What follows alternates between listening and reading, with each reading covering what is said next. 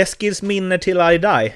Yes! Jo, men coolt det, hade inte det, det varit Det har varit coolt tills, alltså, tills vi får in Erik i organisationen och han kommer och kör med sin Range Rover och sin Chateau, Chateau-vin. Och, och sina, vet, här överklassväskor. Det blir, det blir jobbigt på tittarna att se det hur, för mig också för den, att se det hur bra och äh, överklassigt han har det. Erik kan vara som skott... Han kan vara sån avslutningscoach. Han kan lä lära ut chateaupajar. Yeah.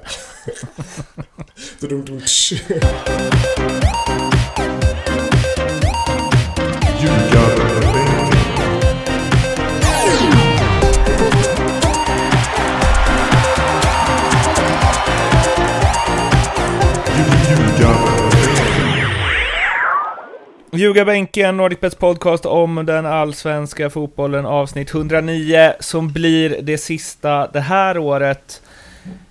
Och eh, ja, är det den tyngsta panelen vi haft i år? Eller hur har det gått med julmaten? Ja, eh, jag håller mig till det kalla bordet. Men jag ser att, uh, utan att ha nämnt det för Erik Edman, det kan jag göra här i broadcast. Han har tagit några kilo i varje fall uppåt, skulle jag vilja säga. Det känns som små hamsterkinder. vad, vad ligger det i de kinderna, Erik? Ja, det är mycket kola och knack kanske, jag vet inte. Men...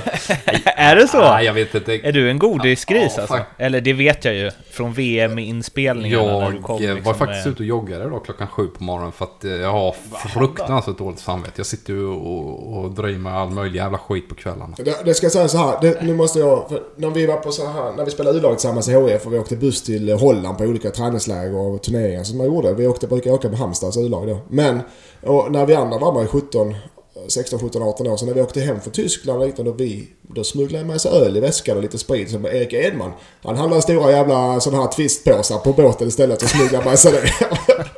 Sen spelade han också 57 landskamper eller vad det var. Ja. Men, eh, ja, för det var ju... Eh, det var ju minst tre påsar med godis under varje VM-match vi såg tillsammans. Ja, men det gäller att hålla blodsockret uppe när man ska umgås med dig i ett par timmar. Det gäller att hålla blodsockret på en stabil och hög nivå. ja. Men eh, hur långt sprang du då? Ja, det är en sju kilometer. Jag har varit uppe hos mina föräldrar och eh, ja, varit eh, mellandagarna här nu. Så jag sprang sju kilometer. Hittade faktiskt... Vad gör du det på? Du, ja, 22? Nej för fasen. 35 minuter där och då tog jag ändå i. Kan jag säga var trött också. Så att du förstår hur dåligt tränad jag är. Däremot hittade jag lite sköna gamla band från 2002 i VM. Eh, då hade jag med mig en filmkamera och filmade eh, under VM där i Japan. Det var lite roligt att sitta och titta på eh, när man var 16 år yngre än vad man är idag. Mårten, det kan vi lägga ut på... Kan jag tänkte precis, är det här något som kan nå liksom Nordic, eller Ljugarbänkens sociala medier? Uh, det är mycket möjligt att vi kan hitta något form av klipp där. Men jag, jag sitter näst, nästan bara och gnäller och är bitter under den där en och en halv månad. Eh, vad är skillnaden? Det är ungefär ja, som Vad fan är skillnaden? Liksom? Nej, exakt. Det är 16 samma. år senare. Ja, ett par kilo. ja, exakt. Jag är 10 kilo tjockare. Men du Mårten, det kan vi väl konvertera om på något sätt och trycka ut uh, någon sorts uh, januari-julkalender. Ja, ver verkligen. Eh, Edman osensurerat 2002. Bitter Erik Edman. ja, kan bli en, kanske kan gå upp på bio Nu sitter jag här i Japan eh. och mitt traktamente. Jag får inte in mer än 5000 spänn i traktamente. Vad i helvete är det här alltså? Nej, det är Alltså seriöst, när man sitter och kollar så står man... Alltså, så... Man förstår att du nobbar landslaget. Mm. Mm. Exakt. Nej, men med sjukt bortskämd snorunge. Så ska jag tolka mig själv. Mm. Okay. eh, Eskils minne, det känns så konstigt att inte prata tvååker, men det, det är kan vi göra, det som gäller det kan vi göra också. Ja, vi kan men det vi, ja, men Eskils minne är mer intressant nu. Du har tagit in eh, herr Holgersson som har varit gäst i den här podden som, eh, eh vad är det, ah, Sydkorea scout? Marcus Nilsson, Marcus Nilsson. Jaha. Ja. Men exakt, det är skitsamma egentligen. Ja, jag blandar alltid ihop dem. Holgersson. Heter inte han också Marcus? Jo, Nej, Marcus. Men jag menar, ja. vi kan Marcus. kalla honom Holgersson. Det är skitsamma. Liksom. Marcus kan vi ja. kalla honom.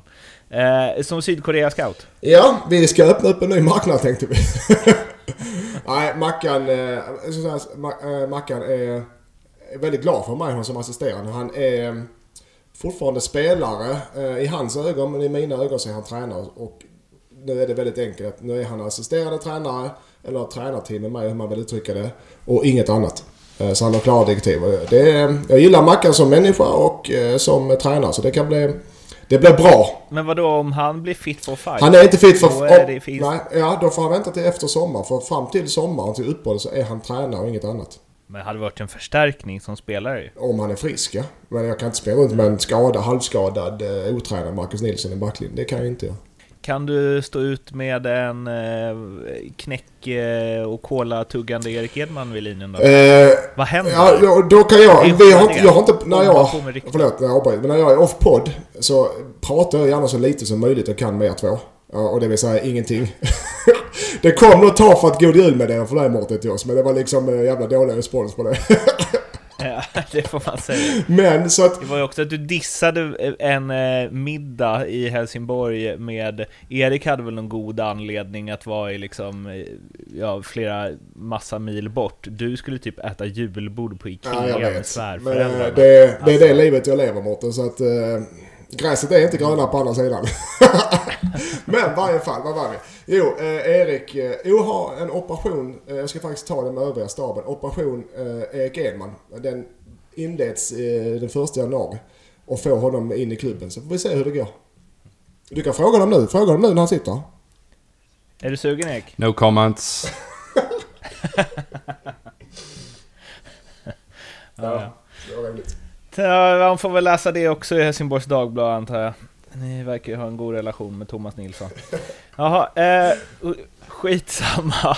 Eh, ni som vill veta mer om Eskilsminne och vad som händer i Mattias Lindströms och Erik Edmans liv, hd.se, premiumversionen, kostar 99 spänn i månaden eller något sånt där.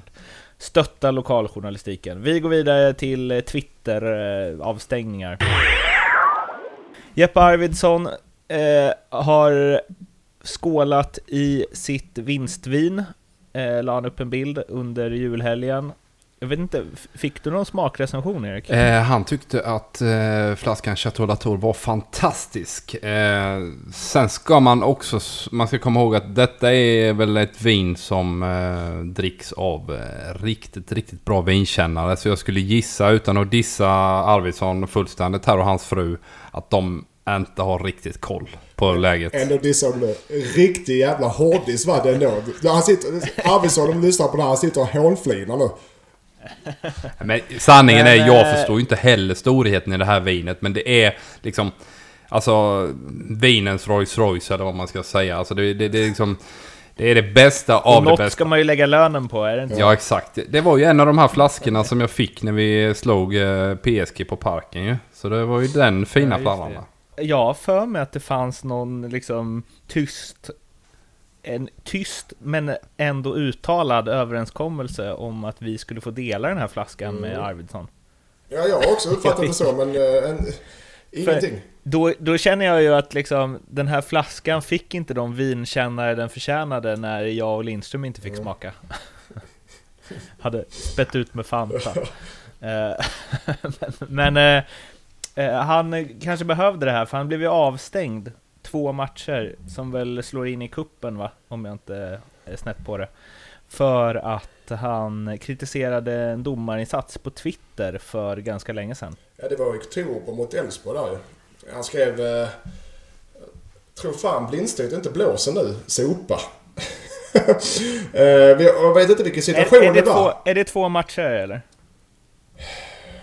Alltså jag, jag kan känna så här, alltså Arvidsson är en riktigt skön prick, men det här är ju känslorna utanpå. Nu sitter han och tittar på den här matchen. Irrationellt tar han upp mobilen för han är irriterad på domaren och drar iväg en tweet. Jag tycker faktiskt att han borde gjort en pudel här och sagt att sorry, det var dumt gjort av mig. Jag ska skärpa mig. Så hade det varit betydligt klädsammare än det som faktiskt skedde nu efter. För han blir ju ännu mer arg här efter, i efterhand när han blir avstängd två matcher. Eh, alltså, någonstans blir det här förmodligen någon form av prejudikat för framtiden där man... Liksom, detta är ny mark för Svenska Fotbollsförbundet att ta i den här typen av saker när man kritiserar folk på sociala medier. Jag menar, det, det, det hände ju inte på min och Mattias eh, tid direkt utan eh, det är nya, nya tider, nya saker. Det gäller att hänga med där för förbundet också. Jag tycker på sätt och vis att det är rätt att stänga av honom. Man kan inte slänga ut sig vad som helst. Det går inte. Men det är så här, två matcher, vad motsvarar det då till att man gör? Om, om man hade skrikit det där på planen, vad hade det blivit då? Ja, eh, det är samma där som jag är inne på. Så ska du gå in och, och ta alla som skriker att domaren är en sopa så har du inga spelare kvar på planen under en match. Eh, men det är...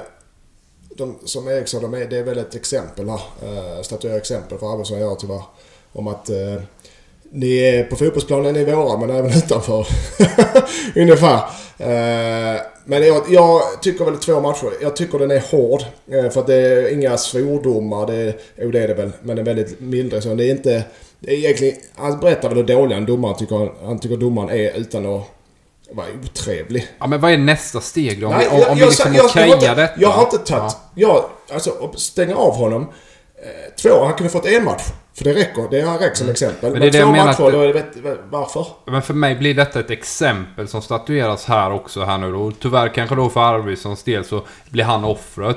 Men vad är nästa steg om vi inte tar den här typen av saker på Twitter? Vad är nästa steg då? Ska, ska Henok Goitom kalla Stefan Johannesson för idiot då nästa gång? Alltså det går ju inte. Vi kan ju liksom inte ha ett klimat där vi liksom spyr ut grejer på Twitter sak- när vi är En arga. sak som är jävligt intressant med det här, måste jag säga, det är ju att eh, som han faktiskt säger det, det går ju inte att bevisa vem han syftar på och vilken match. Alltså så här, om man ska gå till det rättsliga. Nej, det gör det inte. Alltså, det gör här, det inte. Men Eh, för här tar sig ju fotbollen friheter att eh, liksom, ja, det är klart att han syftar på den här matchen. Han kanske satt och tittade på Chelsea. Liksom. Ja, nej, och visst. Det kan det vara så. Men det blir också... Eh, då blir det lite smålöjligt. Man vet ju vilken match det var. Eh, jo. men visst, eh, rent eh, juridiskt och rättsligt så hade han nog fått rätt. Han kan, dra det, han kan säkert dra det vidare på något sätt om han orkar och vill det. Men han lutar sig tillbaka och tar en klunk vin istället. Ja.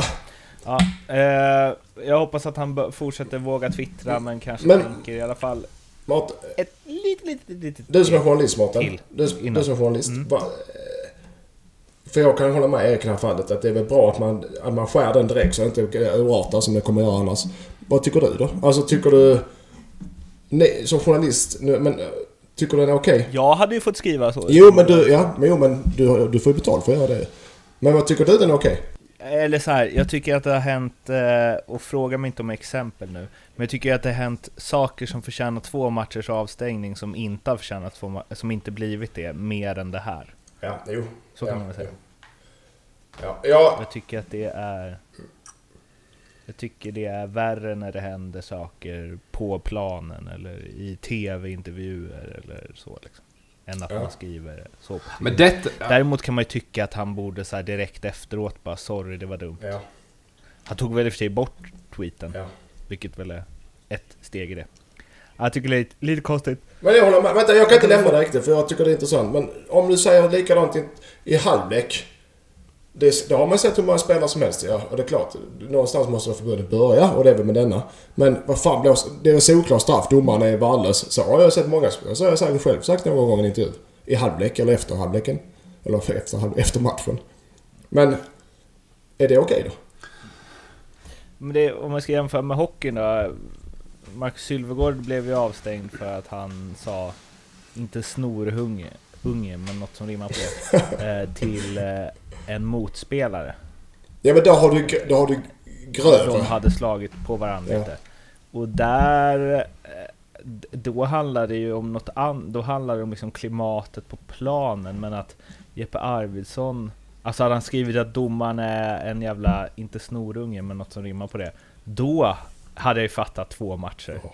Alltså, Men jag är inne på liksom men liksom att han är en sopa. Ja. Men jag tror att alltså, hans avsikt är ju inte liksom att... Han är arg där, absolut. Men avsikten är inte att, att liksom såra någon egentligen såklart. För Arvidsson är världens snällaste person. Så som det lilla jag ja, upp, ja, känner honom och sådär. Men jag tror ändå att verkan, eller liksom det, det som blir följden är ju att Aftonbladet, Expressen, Fotbollskanalen snor det fort som tusan innan han har liksom hunnit radera det. Smäller upp det på sina sidor och sen är det igång. Och så har vi någon form av eh, lynchning av domarkåren här till slut om vi inte tar i den här typen av saker. Det är det jag tror de är rädda för på Svenska Fotbollsförbundet. För att det har ju eskalerat och där har ju Simor och, och alla nu sändande bolag så här ett stort ansvar att vi kan inte fokusera för mycket på domarna hela tiden. Och det är liksom, varje gång det blir ett fel så ska en tränare gnälla på att domaren är dum i huvudet och det är hans fel och så vidare för att få bort eh, liksom eh, spotlight från sig själva och de här bitarna. Detta är också ett, ett, ett steg ändå på något sätt i rätt riktning tycker jag. Att liksom vi måste ha större respekt för domarna. Ska jag, säga, jag skulle säga att det skadar domare, domarna och klimatet kring domarna mer när eh, liksom Seymours experter står efter matchen tillsammans med tränare från de olika klubbarna och på ett liksom analyssätt och utvecklat sätt kritiserar domare. Det skadar dem mer än att en vänsterback i Sirius, all respekt Jesper Arvidsson, säger skriver på Twitter något som ligger uppe i några minuter att domaren är en sopa som inte ens är namngiven i den tweeten. Jag håller med om att vi har ett stort ansvar. När jag står där och jag står och gnäller på domaren efteråt. Så är det egentligen ett bevis på att jag har inte tillräckligt bra koll på vad som har hänt taktiskt för att kunna ge en redogörelse utifrån varför blev det så här, varför blev det så va. Eh, så står jag och gnäller på domarna efter matchen och liksom drar upp olika situationer så är det egentligen ett underbetyg till min egen prestation. Det, det, så kan jag själv känna faktiskt Mårten. Så jag kan ge det halvt rätt där. Men det är liksom en helhet här med många små saker som blir ett stort paket liksom. Och jag måste säga, jag har faktiskt tröttnat på det i fotbollssändningen när man ska säga det är ju i varje, i varje match är det ju... Jag skulle säga att det är snitt två straffsituationer som tas upp per match i Allsvenskan. Ja, jag håller med. Jag tror också det börjar bli tröttsamt. Det, Där är, man säger, är det straff, är det inte straff? det har ju varit många... Måste vi, nu måste vi reda ut om det här är straff eller inte. Det är lite, lite som att man skulle, inte riktigt, det här är hårdraget, men det är lite som att man skulle ta upp varenda, varenda sumpad målchans och bara, är det här ett eh, OK avslut? Eller är det här, nu zoomar vi in Men här. det har väl varit... eh, Ving, snubblar han till lite precis innan? Finns det en tuv, tuva där? Tuv, vad heter det? Gräs? Tov, Tuva. tu, tu, tuva. Där i gräset. Men det, det är väl... ja. Där på planen när han ska skjuta. Men det är väl... Alltså- det är väl eh, jag, vet, jag uppfattar det så här som att det har varit många tveksamma matchavgörande straffsituationer i eh, 2018. Det har det varit. Sen så Marco väl... Det här kanske Erik vet bättre med, men Marco väl eh, Simon och de, det är de eller vem som har sändningen. Att det väcker reaktioner för en sån, en tveksam straffsituation väcker debatt på sociala medier för det är alltid skilda åsikter. Alltid. Även om det är solklar straff. Så det är alltid någon jävel som tycker det. Men, och det väcker diskussion. Och det är väl kanske det de vill ha. De vill ha reaktioner från eh, tittare och lyssnare om det kan vara. Det, det, det är kanske därför. Jag vet inte om ni blir tillsagda att ta upp det. Nej men du, har- du, du, men du har ju det game changers kallar man ju det liksom. Vad är det som avgör matchen hit och dit? Och det är klart att det är ju lättare då. Och det är ju lite som alltså att... Jag känner ju själv att liksom varje gång man är inne och petar på det här med domarbeslut. Det betyder fan, jag har ju inte koll själv liksom. Så att indirekt. Men sen är det lite som Mattias är inne på också. Att vad vill folk se? Och det blir ju att man tenderar ju att och, och liksom eh, svänga dit vinden blåser eller vad man ska säga för att kunna segla med där och få populistiska pluspoäng hit och dit. Det ser vi om inte annat i liksom alla journalister, Mårten Bergman bland annat och så vidare. Men, men, men liksom... eh, On, och så vidare. Liksom att man, man liksom... Vad var det? Vad var man, det man går dit eh, liksom, eh, vad ska man säga, vinden blåser idag. Det är helt otroligt på sociala medier. Och just det här med domarna är ju jäkligt tacksamt att alltid hugga på dem. För att de har ju alltid gjort några misstag. Det ska man ju... Alltså det kan man ju slå fast liksom. Och det är ju som Lindström säger, i år har det väl varit extremt många dåliga insatser kring kritiska moment. Framförallt då straffar. Så att det måste de ju skärpa till till nästa år. Sen... Eh, jag menar det är ju, titta i England, nu kollar Premier League nu under jullovet. De är ju skickliga som fan domarna på det här och kunna läsa av rätt och fel om det ska vara straff eller inte. I Allsvenskan var det extremt många lätta, billiga straffar. Okej, eh, nu ska inte jag alltid rida ut som någon form av liksom hockeyns försvarare här, men eftersom jag är den enda av oss två som jobbar med båda delarna. Ishockeyn får jag ofta höra att den journalistiken, det är bara så här matchstraff, bortdömda mål, eh, slagsmål, fula tacklingar, att det bara skrivs om sånt hela tiden för att det är sånt som äggar eh, hockeypubliken och fotbollspubliken är minsann mycket, mycket finare och mer intresserad av det taktiska och mer bla bla. Men jag skulle säga att eh, rapporteringen är ungefär, li- det är ungefär lika mycket fokus i fotbollen på domar, missar, uteblivna straffar, röda kort som inte kommer eller som kommer fast de inte borde och så vidare. Som det är på överfall och bortdömda mål i hockey. Ja, och det kanske eh, ligger i grunden att kvaliteten på fotbollen eh, kan vara för dålig. Så du hittar andra grejer att fokusera på. Eh, kan ju vara så tråkigt. Är det mer kameror, mer TV, tid till experter i TV, längre sändningar och så vidare? Eller gör domarna fler misstag idag än vad de gjorde för 15 år sedan? Jag, jag tror att alltså, det är betydligt mindre tv-tid till experten att lägga ut ett budskap. Jag menar, jag satt och klockade Backe och Kim Källström här på, på Discovery för några månader sedan. Det var 1.15 hade de att surra om vad som hade hänt eh, eh, i samband med första halvlek. Jag tror det var Malmö eller något. Jag kommer inte ihåg om det var, det var någon landskamp kanske. Eh, och då ska ändå Karin Frick ta in kameran först 15 sekunder. Så att liksom då har de en minut att surra om vad som faktiskt hände där. Så att där är ju Viasat och Viaplay har ju betydligt mycket mer tid. Framförallt när de efter matcherna sitter och eh, gnuggar saker utan en massa reklamavbrott. Så att det är klart att det, det är väl eh, olika förhållningssätt och olika, vad ska man säga, alltså de har ju, vi har ju körscheman som, som ska hållas och ska fyllas och då tenderar det väl eh, att bli för mycket liksom sådana matchavgörande grejer och då är det ju väldigt, väldigt lätt att man tar in domarnas prestation. Men, men, men i det, begicks, är domarna sämre och begår fler misstag idag eller är det bara att de uppmärksammas mycket mer än vad det var för 15 Jag år tror det är en kombination för att det är en, liksom en äldre kår nu som slutat med Jonas Eriksson och, och några andra som fanns för, för 5-10 år sedan. Det kommer in nya hungriga domare som kanske inte riktigt är på samma nivå än. Och dessutom så har du då jävla massa kameror och det blir liksom eh, alltså korta GIF klipp som, som ligger och snurrar på, på Twitter hit och dit. Det är klart att det föder någon form av frustration hos fans när de känner sig bortdömda. Till exempel den här straffsituationen med Djurdjic, Per Karlsson tar med handen och så vidare. Nu ska jag vara lite nonchalant här och bara säga vad jag tror. Jag tror att det begicks exakt lika många domarmisstag, om inte fler, för 15 år sedan än vad det gör nu. Jag tror bara att det handlar om att det uppmärksammas mycket mer nu. För att domarna inte skulle blivit bättre de senaste 15 åren med allt som utvecklas där låter orimligt. Ja, det, det stämmer säkert. Men spelarna blir bättre på att hitta genvägar också. På att filma menar du? Ja, allt vad det kan vara.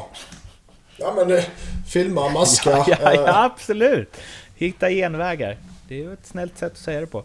Ja, eh, ska vi hoppa vidare till Blåvitt?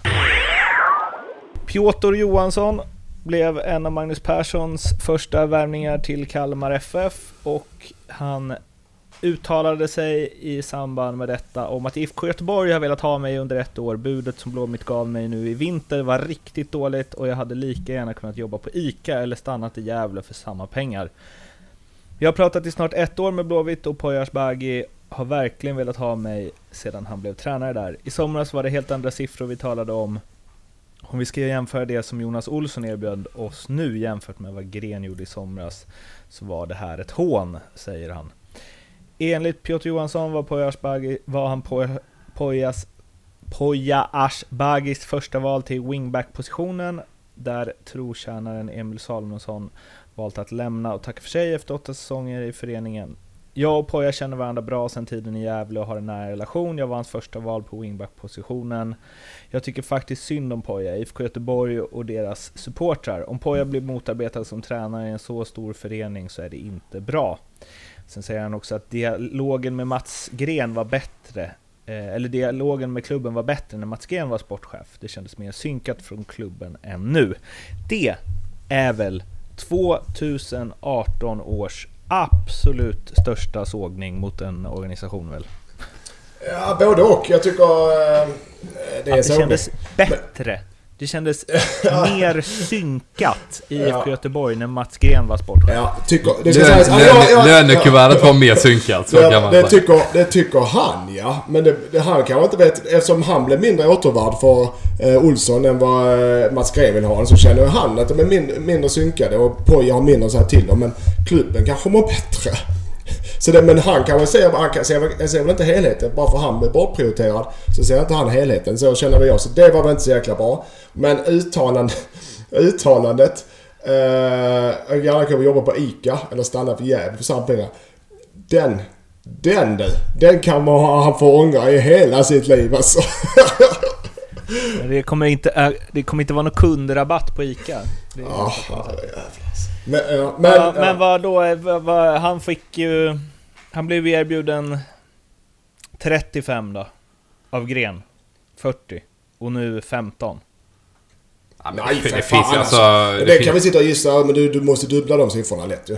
Alltså, eh, men vi kan sitta och gissa här oändlighet.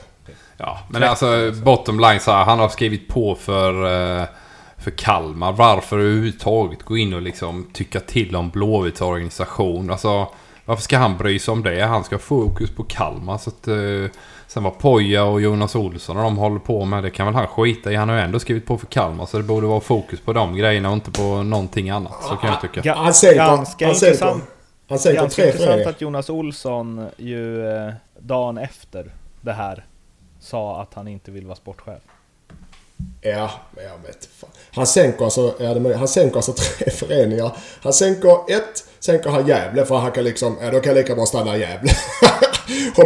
Han sänker Göteborg, det vet vi. Och han sänker även Kalmar för de, de, Kalmar är inte första var. Han har fått mer pengar annanstans än han spelat i Göteborg. Så han sänker tre klubbar samtidigt. Det är häpnadsväckande, det måste jag säga. Uh, så.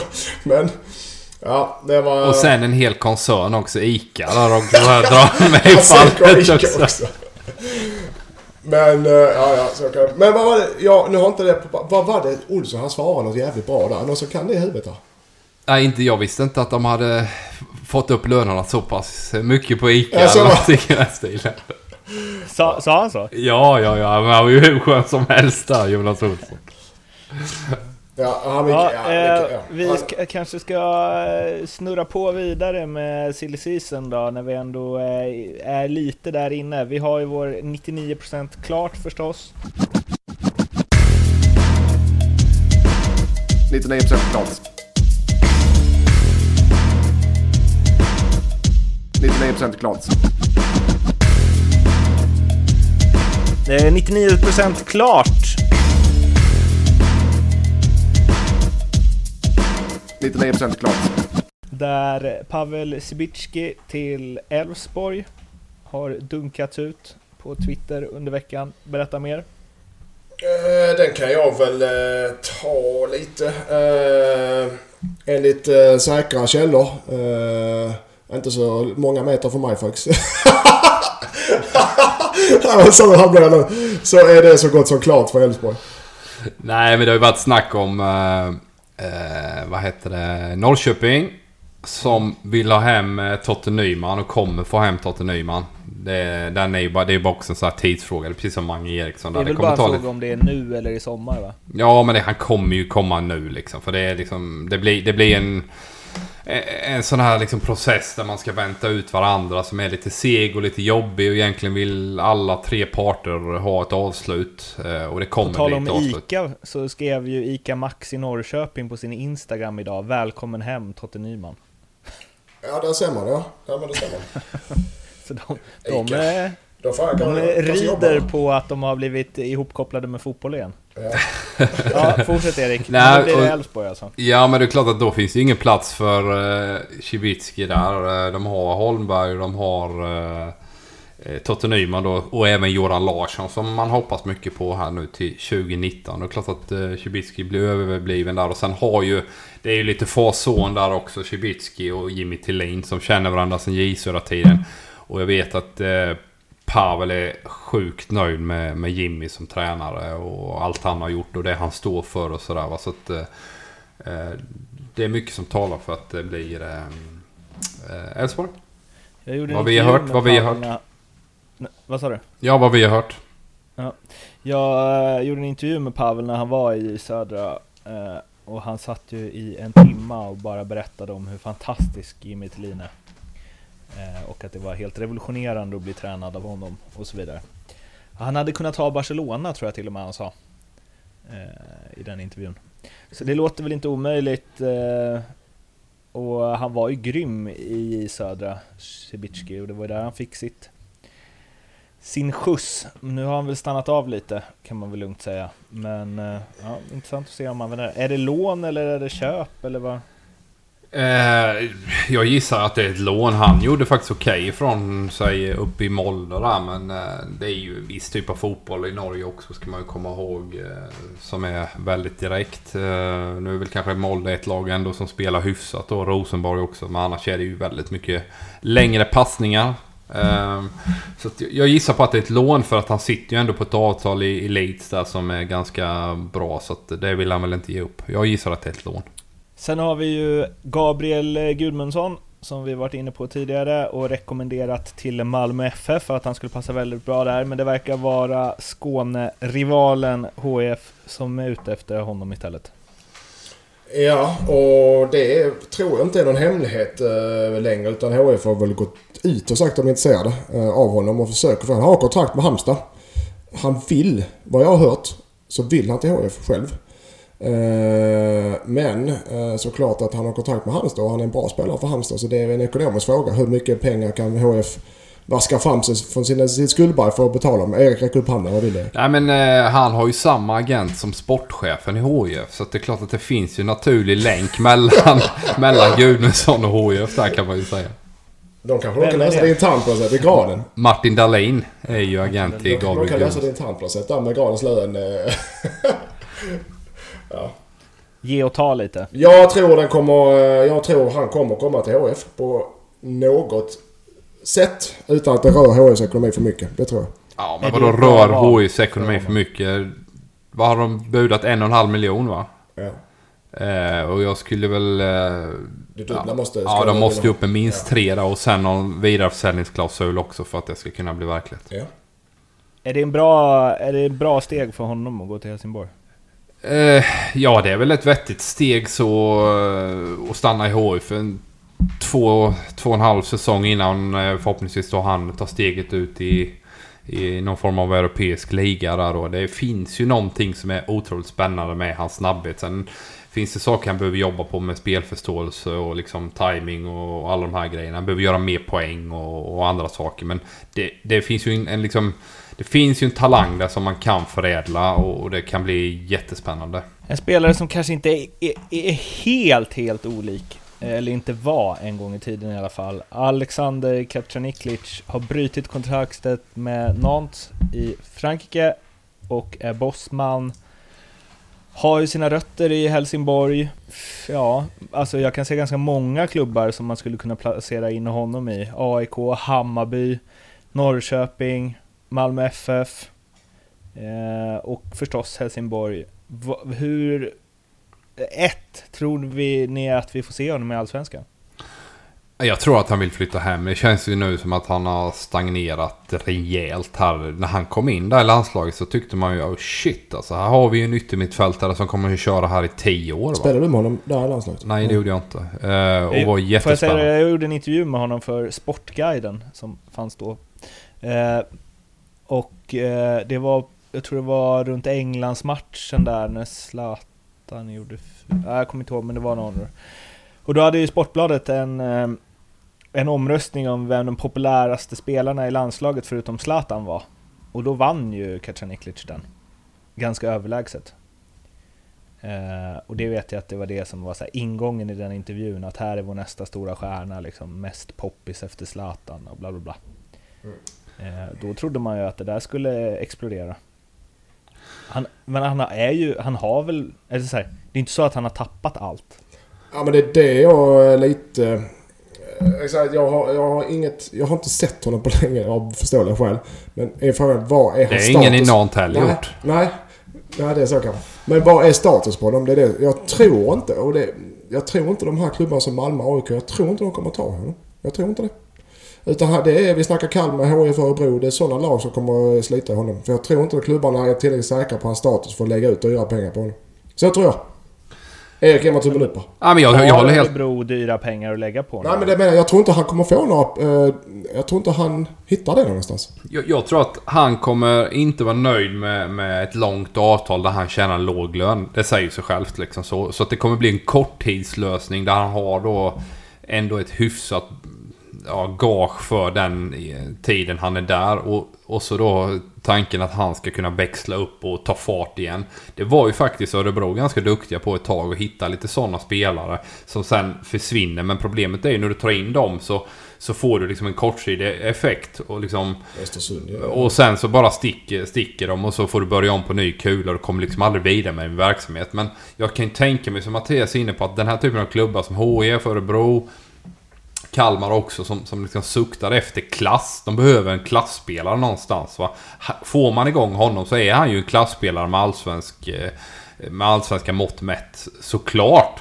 Men ingen vet ju var han står. Han har ju fan knappt spelat fotboll på fyra år nu liksom. Han var i Fulham och satt på bänken. Och sen drar han till Nantes och där är han också i frysboxen. Så det här är ju ingen som vet. Vad, vad, vad, vad har vi den här eh, Kaskaniklic idag, 2019? Och hur uttalar man hans efternamn? Det är också det, är det viktigaste. Nej men, eh, alltså jag, jag tänker två klubbar. Alltså, och då utgår jag ifrån att han någonstans har en kvalitet i sig som borde gå att locka fram hyfsat snabbt. Liksom. Det är inte så att han, att han inte spelat en match på fyra år, så är det ju inte. Han fick ändå ett kontrakt där och de har väl en B-liga också liksom. Men... ehm, eh, ja, men dels så är han ju, alltså om man sätter honom på en vänsterkant i IFK Norrköping så är han ju inte helt eh, olik eh, spelare som har varit lyckosamma där förut i sitt sätt att liksom skära in i planen, kunna gå på båda sidor, bra framspelare, lite för dålig avslutare kanske. Eh, och sen så Hammarby, tänker jag. När Hamad försvinner. Eh, Jesper Jansson har väl koll på honom, var inte han en vända i FCK också? Jo, Från Fulham. Jo, det var han, det stämmer. Ja. Eh, Så där skulle jag, och de har ju ekonomiska muskler för att kanske riska lite där. Eh, Så det, jag lägger nog mina pengar på Bayern där alltså. Tystnad. Ja, nej men det låter väl som ett eh, liksom, intressant val. Men jag tror för hans egen del så behöver han få kärlek nu och liksom ett tillit hos en tränare och göra dåliga matcher och bara få fortsätta spela. Liksom, hans, han behöver en miljö där han kommer in nu och bara får liksom... Fan, gör det rättvänd, kör din gubbe. 10 gånger av 10 ska vara ambitionen. Lyckas du 6 så är vi jättenöjda här i Örebro liksom. HF känns ju inte som rätt miljö i sådana fall. Skulle jag ju säga. Eh, Nej. Om men, han eh, behöver lugn och ro alltså. Ja, men om de, ja, de kan nog känna på honom om, eh, om inte Gudmundsson går hem. Mm. Neto Borges till Belgien för 18 millar. Där kanske det finns lite pengar att lägga på Kacaniklic för Jesper Jansson. Eh, Erik hade en intressant där. Vem som... eh, Det kan, är det officiellt eller? Eller är det folk... eh, 99% säkert? Vid, Widgren eller? Ja. Ja, men den kanske redan är ute i etern. Den är ute. Ja. Eh, Men det är väl en jävla pang eh, sw- switch får man ju säga, för Widgren kommer väl gratis? Ja, det, ja, jag vet att eh, Jeppe älskar Dennis Widgren också och har gjort väldigt länge. Jag kommer ihåg redan då när de eh, gjorde sin första säsong i Allsvenskan så, så vet jag att Jeppe var jättenöjd med honom. Och jag kan också hålla med honom. Jag tycker han är multifunktionell. Man kan köra honom som mittback också. Eh, och, och då wingback, vänsterback liksom. Så Dennis Widgren tycker jag är jätteunderskattad eh, spelare som jag förstår att flera av de större klubbarna faktiskt är sugna på att nypa. Sen har han ju liksom en lång historia där uppe och så vidare. Så att, eh, han tvekar väl kring vad han vill göra med sitt liv. Sägs väl att, eh, är det klart va? Tre och ett halvt års kontrakt läste jag någonstans. Är det Men det är klart? ju inte officiellt. Men Neto Borges eh, kom för ett år sedan, nu värd 18 miljoner. Ja, Det är imponerande att de kan vaska fram 18 miljoner för honom tycker jag. Så eh, all respekt. Grejen är, går han ner boys, fem pannor och trimmar sig lite så är han ju... eh, Skulle jag lätt kunna se honom färga i Belgien liksom. Om han går ner några kilo så är det Jag hörde inte vad du sa. Ja. Ja, men jo men grejen, belgisk fotboll är jävligt fysisk. Så in i helvetes fysisk så han får nog gå ner några kilona i så fall. Men jag, jag tycker inte han är värd 18 miljoner. Men det är starkt att få det för honom. Jag är inte heller så otroligt nöjd med honom Mårten faktiskt. Jag ser brister defensivt som faktiskt har varit exploaterade även i, i en relativt eh, timid och lugn liga som Allsvenskan. Och när han kör sina raider där, han är ju kraftfull i Sverige. Men sorry, det finns lite andra eh, hajar där ute som är rätt hungriga också kan jag säga. Så att eh, upp till bevis, 18 millar. Grymt bra jobbat Jeppe. Har vi något mer 99% klart? Ja, vi har ju för fan eh, Emil Samuelsson. Just det. Eh, Till... Vi har blivit big in Japan. Big in Japan. Vi är Twitter. Jag kan nu klubben med hjärtat här. Sanfrecce Hiroshima. Som är även ett topplag. De kom tvåa i J-League eh, den här säsongen som gick nu då. Och ska ju spela asiatiska Champions League. Jag gillar det här valet. Jag skrev det på Twitter också. När ljugarbänken drog ut det här först av alla. Eh, jag gillar det här valet. Tycker det är häftigt. Eh, coolt land. Häftig stad säger de som har varit där. Eh, borde passa hans sätt att spela fotboll också. En hel del offensiva eh, Raider då om de nu är topplag då även nästa säsong. Så att, eh, ja, bra val av Emil Salomonsson. Ja, jag tycker, det, jag tycker det är spännande med olika marknader. Eh, som svensk spelare, bra allsvensk spelare så var det först... Eh, eller är fortfarande, men var... Nej, det är inte fortfarande. Det var först Hollandsligan, eh, eller Holland. Alla spelare stack till Holland där, inklusive Gedman. Eh, de bästa såklart, Premier League och Bundesliga. Så. Men alltså... Och sen så eh, vet jag inte riktigt vad jag tog vägen. Jag försökte öppna eh, dörrarna till Österrike. Det gick inte så bra. Men så, så var det FCK, det var Norge det var, och det var lite runt här i Skandinavien. Sen så nu har det, de senaste åren har det varit lite USA eh, som är i ropet. Och, men Robin Simovic har ju varit och trivs jättebra. Japan är stort. Men jag tror och nästan helt övertygad om att Japan, Sydkorea, inte Kina. Eh, där kommer många bra allsvenska spelare söka sig mer och mer pengar. Eh, miljön framförallt. Eh, men även fotbollen är bättre. Eh, och jag tror det är lätt att trivas där som eh, Skandinavien. Jag tror eh, det är det nya. Det är det nya pojkar och flickor som lyssnar. Det är ju en jävla bra grej att avslöja grejer till Japan också, just det där man ser Twitter när det bara exploderar. Jag kommer ihåg jag gjorde en intervju med Chippen när han spelade i Saudi. Mm. Och så la jag ut den på engelska. Eh, alltså rubriken på Youtube var på engelska. Det bara small. Hundratals kommentarer. Bl- små blåa hjärtan är det där, inte röda. De har blåa hjärtan har de. Alltid. Alltså helt tokiga eh, är de i Mm. fotboll där. Och jag antar att det är väl något liknande i Japan. Det känns som de hänger på. Och man bara, här är fotboll, det här ska vi tycka om. De bara, yes, heja, heja, heja. Och läser allt liksom. Ja. Otroligt fördomsfullt kände jag nu, men jag, det, känns så här, det känns som att det, det är så fanatiskt liksom. Du kan ju tänka dig, kanske sitter någon eh, från Japan nu med en sån här snäcka hur man blir i FN-rådet nu som översätter samtidigt eh, från ljugarbänken. När du snackar skit om dem Mårten. Det är vårt internationella genombrott. Eller sammanbrott kanske. Vi ska dela ut julklappar och spå eh, den kommande säsongen. Först dock, Sunderland till I Die, Netflix eh, nya serie. Som jag har sett tre avsnitt tror jag. Eh, fastklistrad blir man. Eh, och eh, ja, det var väl någon av er som sa att vi skulle spåna lite i när den svenska versionen kommer. Vilken klubb som hade passat och så. Eh, jag kan ju döda den med att jag tror att det kommer aldrig komma någon svensk version av det där. Nej men det är det, de det, är ju det som är så tråkigt för att det här finns ju liksom en o, alltså det här är en guldgruva för svenska lag som vågar öppna sig för eh, liksom det offentliga ljuset på insidan på ett helt annat sätt. Jag vet ju Örebro har försökt och gjort något halvdant. Eh, jag vet Djurgården kör en halvtrams i Men försäsongs... det, var ju bara, det är ju bara inför säsongen. Ja, man vill ju ha när de är i skiten och har det tufft och se hur de fungerar som personer och spelare då på insidan. Man vill vara med när det är taktikgenomgångar. Man vill vara med när, när liksom sportchefen eh, har resonemang med, med övriga den eh, scouting, rekryteringsstab och så vidare. Det, man vill ju vara inne där hela säsongen.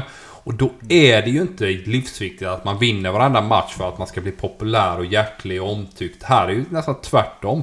Ju sämre det går för Sandland, ju mer tycker man ju om dem. Man kan ju förlika sig med de här spelarna nu att de mår ju skit. Sportchefen. Första avsnittet är han ju solbränd och fräsch och simmar klockan sju på morgonen. Sen i avsnitt fyra så är han ju så trött så att liksom det är ju två stora ringar under ögonen. Han mår ju fullständigt... Han är som ett jävla ras. Men man bara älskar ju detta. Ja, Jag, tycker, jag kan hålla med. Jag tycker det är härligt att se eh, folk våga vara svaga. eh, Eller hur svaga man är. Det är så man mår som, som i fotbollsmiljön, även i andra miljöer. Att man vågar visa det. Så man inte bara är, har den här fasaden som vi pratar om City så vem var det mer? Eh, Real Madrid. Ja, Juventus. Då- Det är propaganda. Det är, det är bara åh, tjo och stim och vi, vi, vi är bäst i världen och vackrast. Som de faktiskt är tyvärr. Men man får en helt annan förståelse för och, och sympati för folk som, som har det som vi har vi, oss vanliga människor. Ja, Juventus-avsnittet var ju lite mer kolla vilket perfekt skägg eh, Iguain har, kolla vad jävla mm. snygg Marquisio är även när han gör kaffe. Mm. Alltså, det var... Ja, men det, det, det är propaganda, det blir bara löjligt. Man bara tänker fan...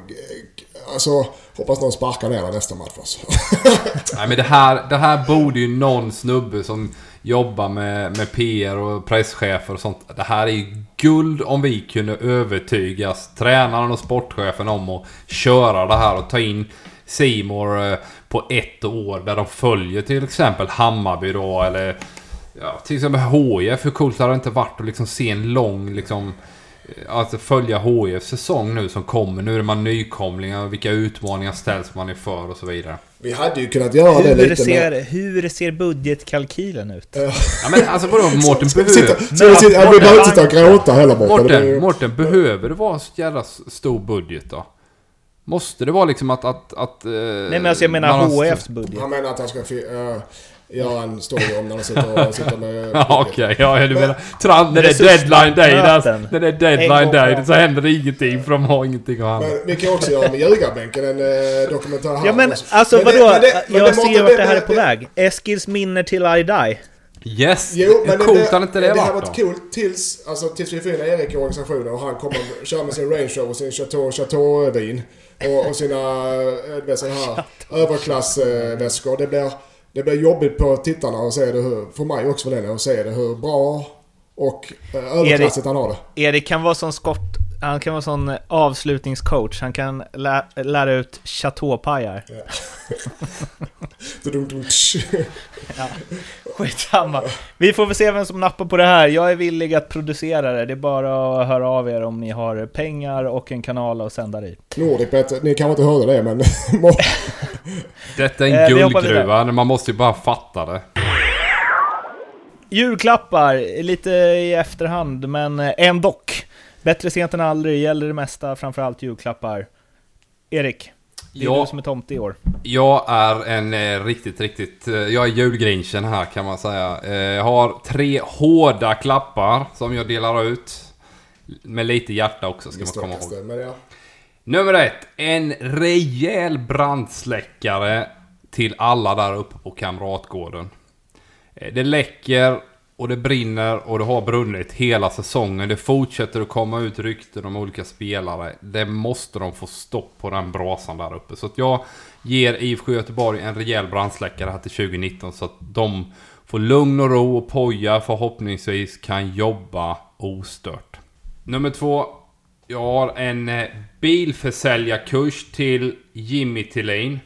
Eh, han är ju någonting, något, någon form av eh, svensk fotbolls Greta Garbo. Jag vet att det finns så sjukt mycket fotboll och kunskap och kvalitet där. Han måste få ut det i ett offentligt ljus. För just nu så eh, famlar Elfsborg efter någonting att kunna bygga på och komma vidare med sin verksamhet. Och jag tror att Jimmy man kan dra den här Sandland till Adai. Elfsborg ja. kanske skulle göra den här typen av grejer. Ja. De släpper in... Men, är ja. han den minst Sunderland till I die? Alltså så Elfsborg har ju högst odds på att det skulle bli av.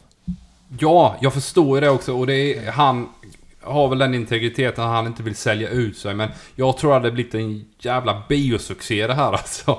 Och se Elfsborg nästa säsong. Ja men jag förstår ju det. det. Det handlar ju om för fotbollsnördar med all den kunskapen han sitter på. Och jag tror att det kommer gå bättre för dem också nästa år. Så det hade kunnat bli väldigt, väldigt positivt. Elfsborg körde den här postströmmen något år, gjorde de inte det? Ja, men det var ju mer på U-sidan där när Ekwall sprang runt och intervjuade lite juniorer så liksom. Nej, bilsäljarkurs till Jimmy. Och ja. eh, Netflix hoppas vi ringer Andreasson där för en eh, uppföljare. Nummer tre, en rejäl spegel för tre raketer från i våras. Kerim Emrabti, Nair Besara och Gilon Hamad som var magiskt bra under våren. Fick hybris. Men under hösten har mest snackat om att de ska iväg och de ska hit och dit. Men jag tycker att deras prestationer under hösten är ett bevis på att de ska stanna i Allsvenskan och vara kungar i denna serien.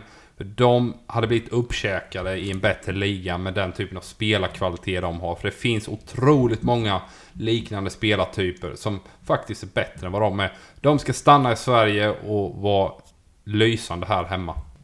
En spegel. Se er själva i spegeln, inse er kapacitet, prestera i Allsvenskan minst ett halvår till alltså. Yes. Yes. Och sen så ska vi ju berätta för er nu, eh, spoiler alert, vad som händer under 2019. Så ni som inte vill veta det, ni kan gå tillbaks till och eh, knapra i den sista julskinkan. Men för er som, eh, ja, kanske ska lägga något bett eller något så kan det vara bra att lyssna nu. Eh, Lindström, du får börja med dina spådomar inför eh, 2019. Ja, de är väldigt enkla och raka. Eh, det kommer säkert fler. Häcken tar sig ut... Eh, Eh, de tar sig till eh, Europaspel. De eh, slutar alltså topp 3-4 i Allsvenskan. Och eh, Poja lämnar Göteborg innan sommaren. Eller till sommaren senast. Det är mina spå... Mina spådomar, så nyårslöfte. Och, men det är lite av personlig karaktär också. Men nyårslöfte. Och ni är inblandade också pojkar. Eh, nummer ett. Vi ska spela in ett avsnitt på Malta nästa år. Va? Morten, Erik. Kan vi spika den eller? Mm. Ett nyårslöfte. Mm. I kalsonger och shorts. Det ska vara varmt i alla fall. Vi ska sitta på eh, Leos eh, balkong och göra det.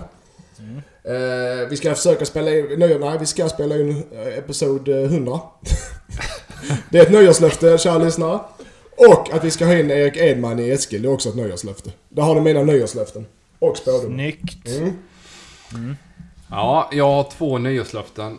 Eh, inte lika tunga som Mattias, men dock. Eh, AIK kommer definitivt inte att försvara sitt SM-guld eh, 2019. Är det ett nyårslöfte eller är det din spådom? Jag spådom nyårslöfte. Det är ja, nyårslöfte. Ja, skitsamma. Du kan inte säga nyårslöfte. Det är precis som att nu kommer jag göra allt för AIK. Jag ska sluta snusa, det är det du vill att jag ska säga eller?